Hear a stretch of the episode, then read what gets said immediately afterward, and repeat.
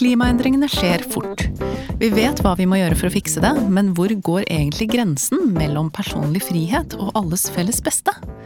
Det skal du høre om nå. For Universitetsplassen er ikke bare en podkast hvor forskere fra UiO deler fagkunnskapen sin i samtaler med aktuelle gjester og deg som hører på. Det er også en fysisk plass i Oslo sentrum. Og i høst inviterte UiO til kunnskapsfestivalen En ny start, hvor klima var ett av temaene. Og da diskuterte jusprofessor Benedicte Moltumyr Høgberg, Bård Lahn som forsker på klimapolitikk, forfatter Bjørn Vatne og Miljøpartiet De Grønnes politiker Eivind Tredal hvor grensen går før den beste intensjonen ender i diktatur. Du hører straks ordstyrer Beate Nossum fra byrået Footprint.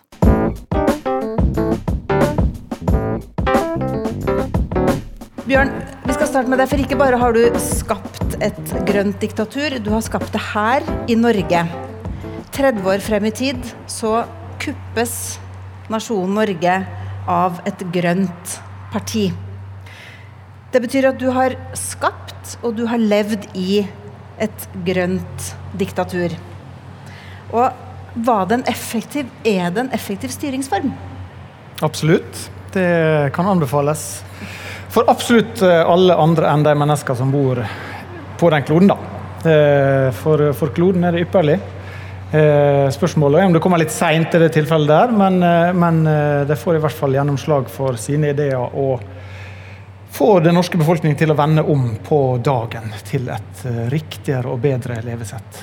Så det betyr at for den politiske styringsfarten så var definitivt et diktatur så er definitivt et diktatur effektivt for eh, i en fremtid om 30 år? Absolutt effektivt, men spørsmålet som eh, stilles i romanen, er jo hvorvidt det her går for mye på bekostning av det som hovedpersonen vår, Paul Abel, insisterer på er det viktigste ved mennesket, nemlig den frie viljen. Da. Det som konstituerer oss som mennesker, som blir da satt til side. Så han er en klassisk eksistensialist som holder det på en måte over alt annet. Da. Så han er en slags både en helt og en antihelt som kjemper imot det diktaturet som oppstår der.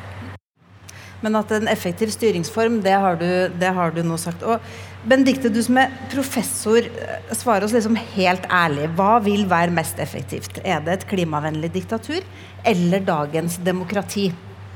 Ja, I en sånn idealverden så kunne man jo tenkt seg at diktaturet var mest effektivt. Men eh, i, eh, i, en mer sånn hva skal vi si, realistisk setting Eh, så tror jeg nok ikke det likevel. Altså, vi ser jo ofte at eh, diktaturer de eh, tiltar seg mye personlig makt. Det er det ene, slik at det blir ineffektivt. Det andre er jo det at en opposisjon og meningsutveksling som man har i demokrati, det mister fotfeste, og det er viktig også for å drive verden fremover. Og vi ødelegger på en måte de spillereglene vi har i dag, som er de demokratiske spillereglene. Um, så um, jeg tror at på lengre sikt, uh, og i en realistisk verden, så er diktaturet ikke spesielt godt egnet. Um, I tillegg til at et diktatur i Norge vil jo hjelpe veldig lite på de globale klimautfordringene. Vi, vi, kommer tilbake til det. Uh, Bård uh, Lan, du skriver doktorgrad om forholdet mellom FNs klimapanel og faktisk politikk. Og bør vi ha en reell diskusjon om hvordan man får handling til å skje? Ja, ja, det er klart vi bør. Eh, men jeg tenker at eh, liksom hele det spørsmålet som ligger i eh, den tanken om et grønt diktatur, eller det at det hadde vært fristende på en eller annen måte å hatt et eh, hatt eh, en styreform som gjorde at man bare kunne liksom iverksette det som forskningen sier at vi bør gjøre i et spørsmål som, eh, som klimaspørsmålet. Eh, liksom hele grunnlaget for det, for det, er jo at det er helt sånn entydig og klart hva som bør gjøres i alle sammenhenger. ikke sant? Eh, at du har på en måte kunnskap om det som eh, trengs å gjøres, og så trenger du bare politikere som kan iverksette det. Og i en sånn forståelse så blir på en måte, kan man ende med å se på demokratiet som som en slags sånn hindring da, for å komme dit man skal. Eivind Tredal, først av alt så er det jo eh, det er ingen miljøvernere som roper etter diktatur. Men stilt overfor denne krisesituasjonen som, som vi jo befinner oss i, bør vi ha en diskusjon om hvilken styringsform som faktisk får endringa til å skje i et tempo som er raskt nok? Ikke på det nivået, tenker jeg i hvert fall. Eh, og mitt parti og de fleste i Norge som stiller til valg, er nok eh, sterke demokrater, både av prinsipp og fordi vi er overbevist om at det er den beste styreformen. Eh, de diskusjonene som har kommet opp, som er innafor demokrati og rettsstaten, er jo ofte ganske interessante. Det som handler om f.eks. grunnlovsprøving. ikke sant? I mange land så har vi hatt søksmål hvor myndighetene, eller eh, Stortinget da, i Norges tilfelle, har vedtatt en grunnlov som sier at vi skal ta vare på miljøet, og så fatter de hver, hvert år og hver uke beslutninger som undergraver det målet. Ikke sant? Kan da en domstol si at uh, dere må følge deres høyverdige visjoner som dere vedtok i Grunnloven, og det må være viktigere enn det dere vedtar fra uke til uke? Fordi dere klarer ikke å være langsiktige på kort sikt. Si. Det er jo en sånn diskusjon innafor rettsstaten og demokratiet som har bobla opp i mange land, uh, hvor klimasøksmålet ikke nådde fram i Norge, men i Tyskland og Nederland har f.eks. domstoler felt dommer over politikere for å ikke følge sine egne høyverdige miljøvisjoner. Det høres ut som vi snakker om et, om et diktatur som noe som blir demokratisk vedtatt. Som om det her er den beste styringsformen. Det fungerer veldig sjelden sånn, da, eh, eh, viser historien. Eh, og det blir jo her gjort eh, ved tvang. sant? Altså, det, det her er noe som oppstår fordi de gjeldende samfunnsforholdene legger til rette for det. Og så kommer det en gjeng som du kan si ja, de, har, de, mener godt, men de bruker også det her for personlig vinning. Og, og, den tanken jeg har lyst til å så med romanen, blant annet, er jo at det ligger en sånn perfekt storm og venter i klimaspørsmålet. Sant?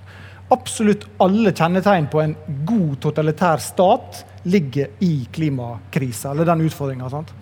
Det, det, skaper sivil uro, det er økonomisk krise. Eh, der er eh, liksom den ene viktige, store saken som trumfer alt. Og så er det en klar ytre fiende, som er klimafornekterne. Eh, du, liksom, du, kan ramse opp og se på absolutt alle kjennetegn ved en totalitær ideologi. Og den kan på en måte oppfylles gjennom klimakrisa. Hvis man da ikke har tatt den diskusjonen på forhånd, eh, og tenkt seg da, uansett hvor urealistisk det er, at det her en dag skal skje, så er det mulig å bli tatt på senga. sant? Eh, så, så, ja. vi, skal, vi, skal, mer over på liksom demokratiets sårbarhet egentlig etterpå. Men uh, Benedicte, før vi bare legger fra oss liksom jussen fordi Siden mars i fjor så har jo smittevernloven utvida politikernes uh, mandat. Uh, vi har på en måte akseptert å være et slags helsepolitisk diktatur. Og Kan man se for seg at, at, lovverket anvendes på samme måte når det gjelder klima? Eller for å si det sånn, er det noe å lære av smittevernloven? Hva skal jeg si om Det er så mye å lære, men vi skal jo lære av alle kriser, også for, eh, for, fremtidige kriser. Men det som er spesielt med smittevernloven, og som har gjort den såpass inngripende, det er jo det at den går inn overfor hvert enkelt individ og sier du skal i isolasjon, du skal i karantene, og det er så og så mange dager. Eh, men det er uansett midlertidige tiltak. Eh, mens miljøtiltakene, hvis vi skal kunne klare oss å snu noe, så vil de måtte være, om ikke permanente, kanskje alle tiltak, så vil de i hvert fall måtte løpe over svært mye lengre tid. Eh, og Det er klart at det, det tror jeg nok at befolkningen vil ha mye vanskeligere for å svelge, og det vil også Eh, være mer problematisk hvis man da kommer med den type inngripende tiltak. Du skal være der, du skal gjøre det. Sånn som vi nå ser. Jeg er ikke så sikker på om eh, det er en metode vi bør anvende i forhold til klima. Eivind, du er jo den eneste politikeren her. og Hvorfor er det sånn, tror du? At man eh, på en måte har så lav terskel for å akseptere uh, politiske påbud, forbud, uh, endringer når det gjelder klima? Jeg tror det bare handler om kriseforståelse versus andre ting. Altså, folk hadde en sterkere kriseforståelse for korona. Men der var det jo også en arbeid som ble gjort av politikerne. Altså, der var det jo sånn at Politikere gikk ut og sa at dette må vi gjøre fordi nå er det krise, og derfor så gjør vi det. Og kom gjerne med kritiske spørsmål, men det skjer i morgen. liksom. Det var jo en ekstremt dramatisk hendelse hvor man så en form for handlekraft som vi aldri har sett på klimafeltet. da. Uh, og så kan man jo si uh, Ønsker jeg at det skal i morgen bli forbudt for folk å møte vennene sine av hensyn til klima? Nei. ikke sant? Eller jeg vil ikke ha de tilsvarende strenge tiltak. Men det er en helt uh, kjempeslående motsetning der da, mellom graden av både vilje til å vise handlekraft og vilje til å hva man skal si, fortelle folk liksom nå gjør vi dette. Og så får de se om de forstår det. Jo, du som mm. på en måte følger det her internasjonalt, har klimabyråkratene noe å lære av helsebyråkratene? altså, har, har, man tatt med seg noen erfaringer fra denne internasjonale krisehåndteringa over i håndteringa av klimakrisen, som vi jo kan kalle det? Altså um, Vi har i hvert fall en del å lære, tror jeg, i akkurat det som Eivind er inne på på, på slutten her. At på en måte hva, man, hva, politiske ledere forteller folk er nødvendig, har også veldig mye å si for, for hva som oppfattes som rimelige tiltak. ikke sant? Og Hvis man, hvis man ser litt sånn historisk på det, så er det noe med at hele um, miljøfeltet, egentlig, uh, regulering av forskjellige typer miljø- og forurensningsproblemer, og særlig klimaproblemet, vokste jo fram på 1980- og 90-tallet i en tidsperiode hvor på en måte eh, indirekte tiltak og markedsbaserte tiltak var veldig på en måte sånn førende for hvordan man tenkte at, eh, at det var fornuftig å regulere ting. Og eh, man har på en måte forma ve veldig mye av klimasaken rundt det. Da. At man, at man eh, bruker eh, på en måte marginale altså økonomiske virkemidler som skal på en måte eh, dytte folk litt i en bestemt retning til å gjøre litt mer av noe eller litt mindre av noe annet gjennom avgifter eller kvotehandel eller til og med gjennom sånne, uh, andre typer frivillige avtaler og sånn med, med, industrien, basert på at man skal på en måte få forurensninga litt ned til et passe nivå. ikke sant? Men det kan hende at noe av den måten å forstå hele klimaproblemet på er litt i ferd med å endre seg, og at det er litt bakgrunnen for um, både den veldige økninga vi har sett i miljøengasjement fra mange de siste åra, med skolestreiker og, og, den typen ting, og at uh, noe av klimapolitikken på en måte er mer uh, i endring enn den har vært på en stund. Da. Fordi at når, vi, når man har begynt å sette mål om null utslipp, ikke sant? og begynner å snakke om at på litt sikt så er det liksom et, et uh, samfunn mer eller mindre uten klimagassutslipp vi sikter mot, da, så er det liksom Så er man så dytter man også liksom diskusjonen litt bort ifra disse her litt marginale tiltakene der det er om å gjøre å oppmuntre til litt mer av det og litt mindre av det, og i retning av å tenke mer sånn helhetlig um, samfunnsendring. Og Da er det kanskje litt andre typer virkemidler som må til, og man, man får en, sånn, en oppfatning av hele klimasaken på en litt annen måte enn før. Vi skal, vi skal snakke litt om demokratiets uh, sårbarhet. fordi det fikk vi jo demonstrert til fulle under, uh, i USA Donald, med Donald Trump og presidentvalget i fjor.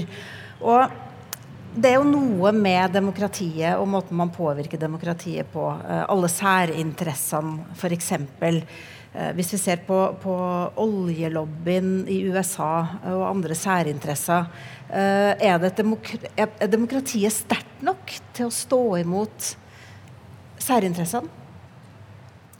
Ja, altså det norske demokratiet har vært ganske svakt for det vil jeg si, på mange felter. Oljelobbyen i Norge er ekstremt sterk og har lagt kjempesterke føringer på måten vi snakker om klima på. Og folk, å si, Utlendinger er ikke så opptatt av norsk politikk, men hvis noen av dem snubler inn og leser hva vi sier om ja, Hvis det hadde vært et diktatur, så hadde det også vært forbudt. for øvrig. Nå kjørte en uh, motorsykkel forbi. Men Ikke sant? Um, uh, I Norge så har på en måte den måten vi snakker om olja vår på, det ligner jo på hvordan australiere sier at vårt kull er det mest miljøvennlige osv. Så, videre. så alle land med en fossil, stor fossilbransje har eh, liksom litt sånn egne ideer om hvor ren og grønn deres egen fossile energi er. Men i Norge så har det ikke vært noe unntak. Eh, og vi ser jo hvordan topp, altså Ministre fra tidligere fra den rød-grønne regjeringa nå fra den borgerlige regjeringa har gått i en svingdør inn til uh, oljelobbyen. ikke sant? Så jo, jo, du har en veldig sterke si, bånd der. Men, men, hva betyr det? Altså Trenger vi en slags sånn mm. oppstramming av demokratiet? Nei, nei, nei, bare for å si det. Altså, det tror jeg demokratiet bidrar til å løse opp i. Men hvis det er én ting som preger den norske offentlige debatten ordskiftedemokratiet, så er det jo at olje eh, Vi er, eh, som eh, jeg tror jeg var en av de første til å formulere, om jeg ikke skal ta inn for det, mer av og til et land med en oljebransje med et land enn et land med en oljebransje. Altså, vi har en utrolig mektig og stor oljebransje som legger premissene for hele klimadebatten, og som definerer hva som er seriøst å mene. Jeg synes Det er viktig det Eivind tar opp, at vi har hatt en veldig sterk lobbyvirksomhet. Og Stortinget er faktisk kanskje litt sårbare i forhold til akkurat det med lobbyvirksomhet. Um, Sånn jeg har, jeg har, jo sett at enkelte har lansert en litt sånn idé om å ha et slags eh, råd eh, som, som, er eh, kanskje mer eller mindre diktatorisk og skal fortelle politikerne hva de skal gjøre. Man kan jo på en måte nedtone den tanken litt. Altså, vi har jo per i dag en uh, institusjon for, uh, for, menneskerettigheter som er underlagt Stortinget, og som leverer rapporter på menneskerettighetsspørsmål. Og man kunne tenkt seg noe lignende i forhold til miljøspørsmål eller klima eh, hvor du har en institusjon som ligger under Stortinget, og som leverer på en måte forskningsbasert og samler inn forskning på feltet og informerer Stortinget om dette på en nøytral måte. Eh, uten at de tar beslutningene for Stortinget, Men de får den informasjonen. Det er én mulighet. Bårdland, er det en god idé?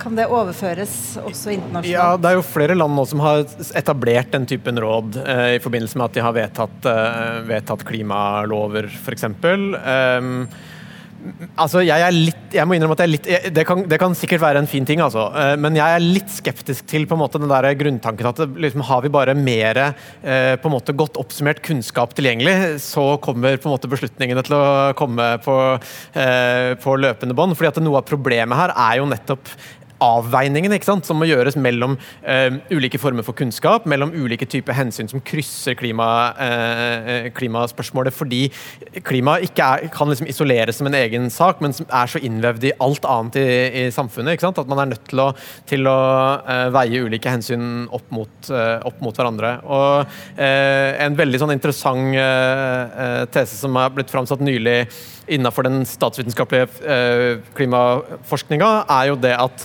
eh, klimaproblemet egentlig har vært liksom feildiagnostisert som et såkalt allmenningens tragedieproblem i alle år. At man har tenkt at liksom, hovedproblemet har vært koordinering, og få alle til å gjøre, liksom, gjøre det samme og, og unngå såkalt gratispassasjerer og sånne ting.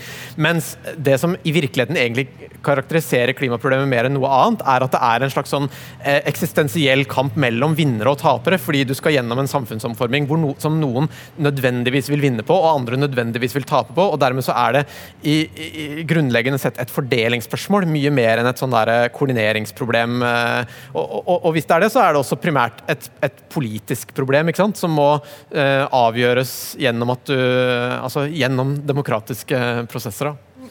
Bjørn, du er jo også, også, journalist, og du er opptatt av klima. og Når du tenker på hvor viktig politikken i neste fireårsperiode er, vi har tross alt et valg foran oss. Um, hvis vi skal nå klimamålene, så er det veldig mye politikk som må vedtas nå i den fireårsperioden som vi står foran.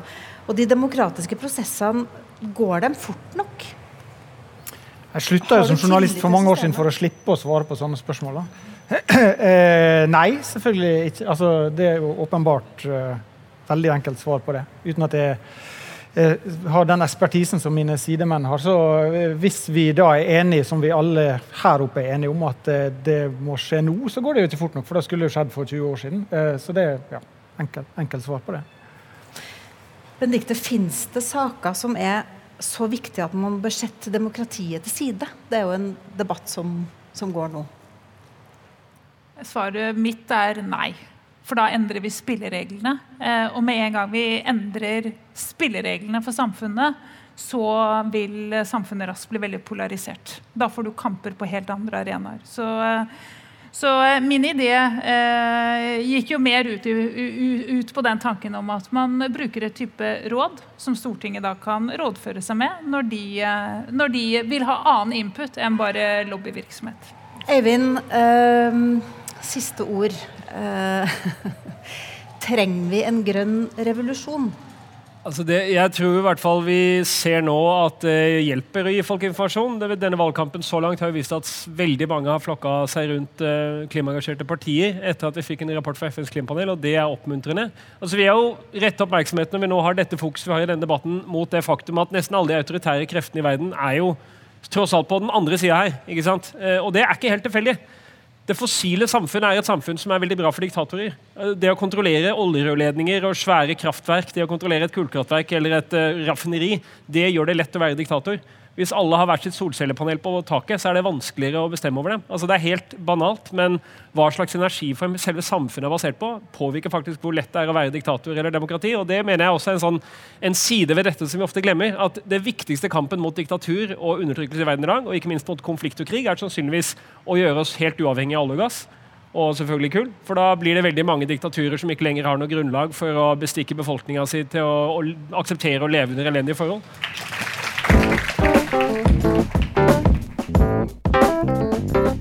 Du har hørt et redigert opptak fra festivalen Universitetsplassen en ny start. Du kan høre flere aktuelle episoder om pandemi, psykisk helse, demokrati, klima og mye mer i UiOs podkast Universitetsplassen. Du finner oss der du lytter til podkast. Jeg heter Mari Lilleslåtten.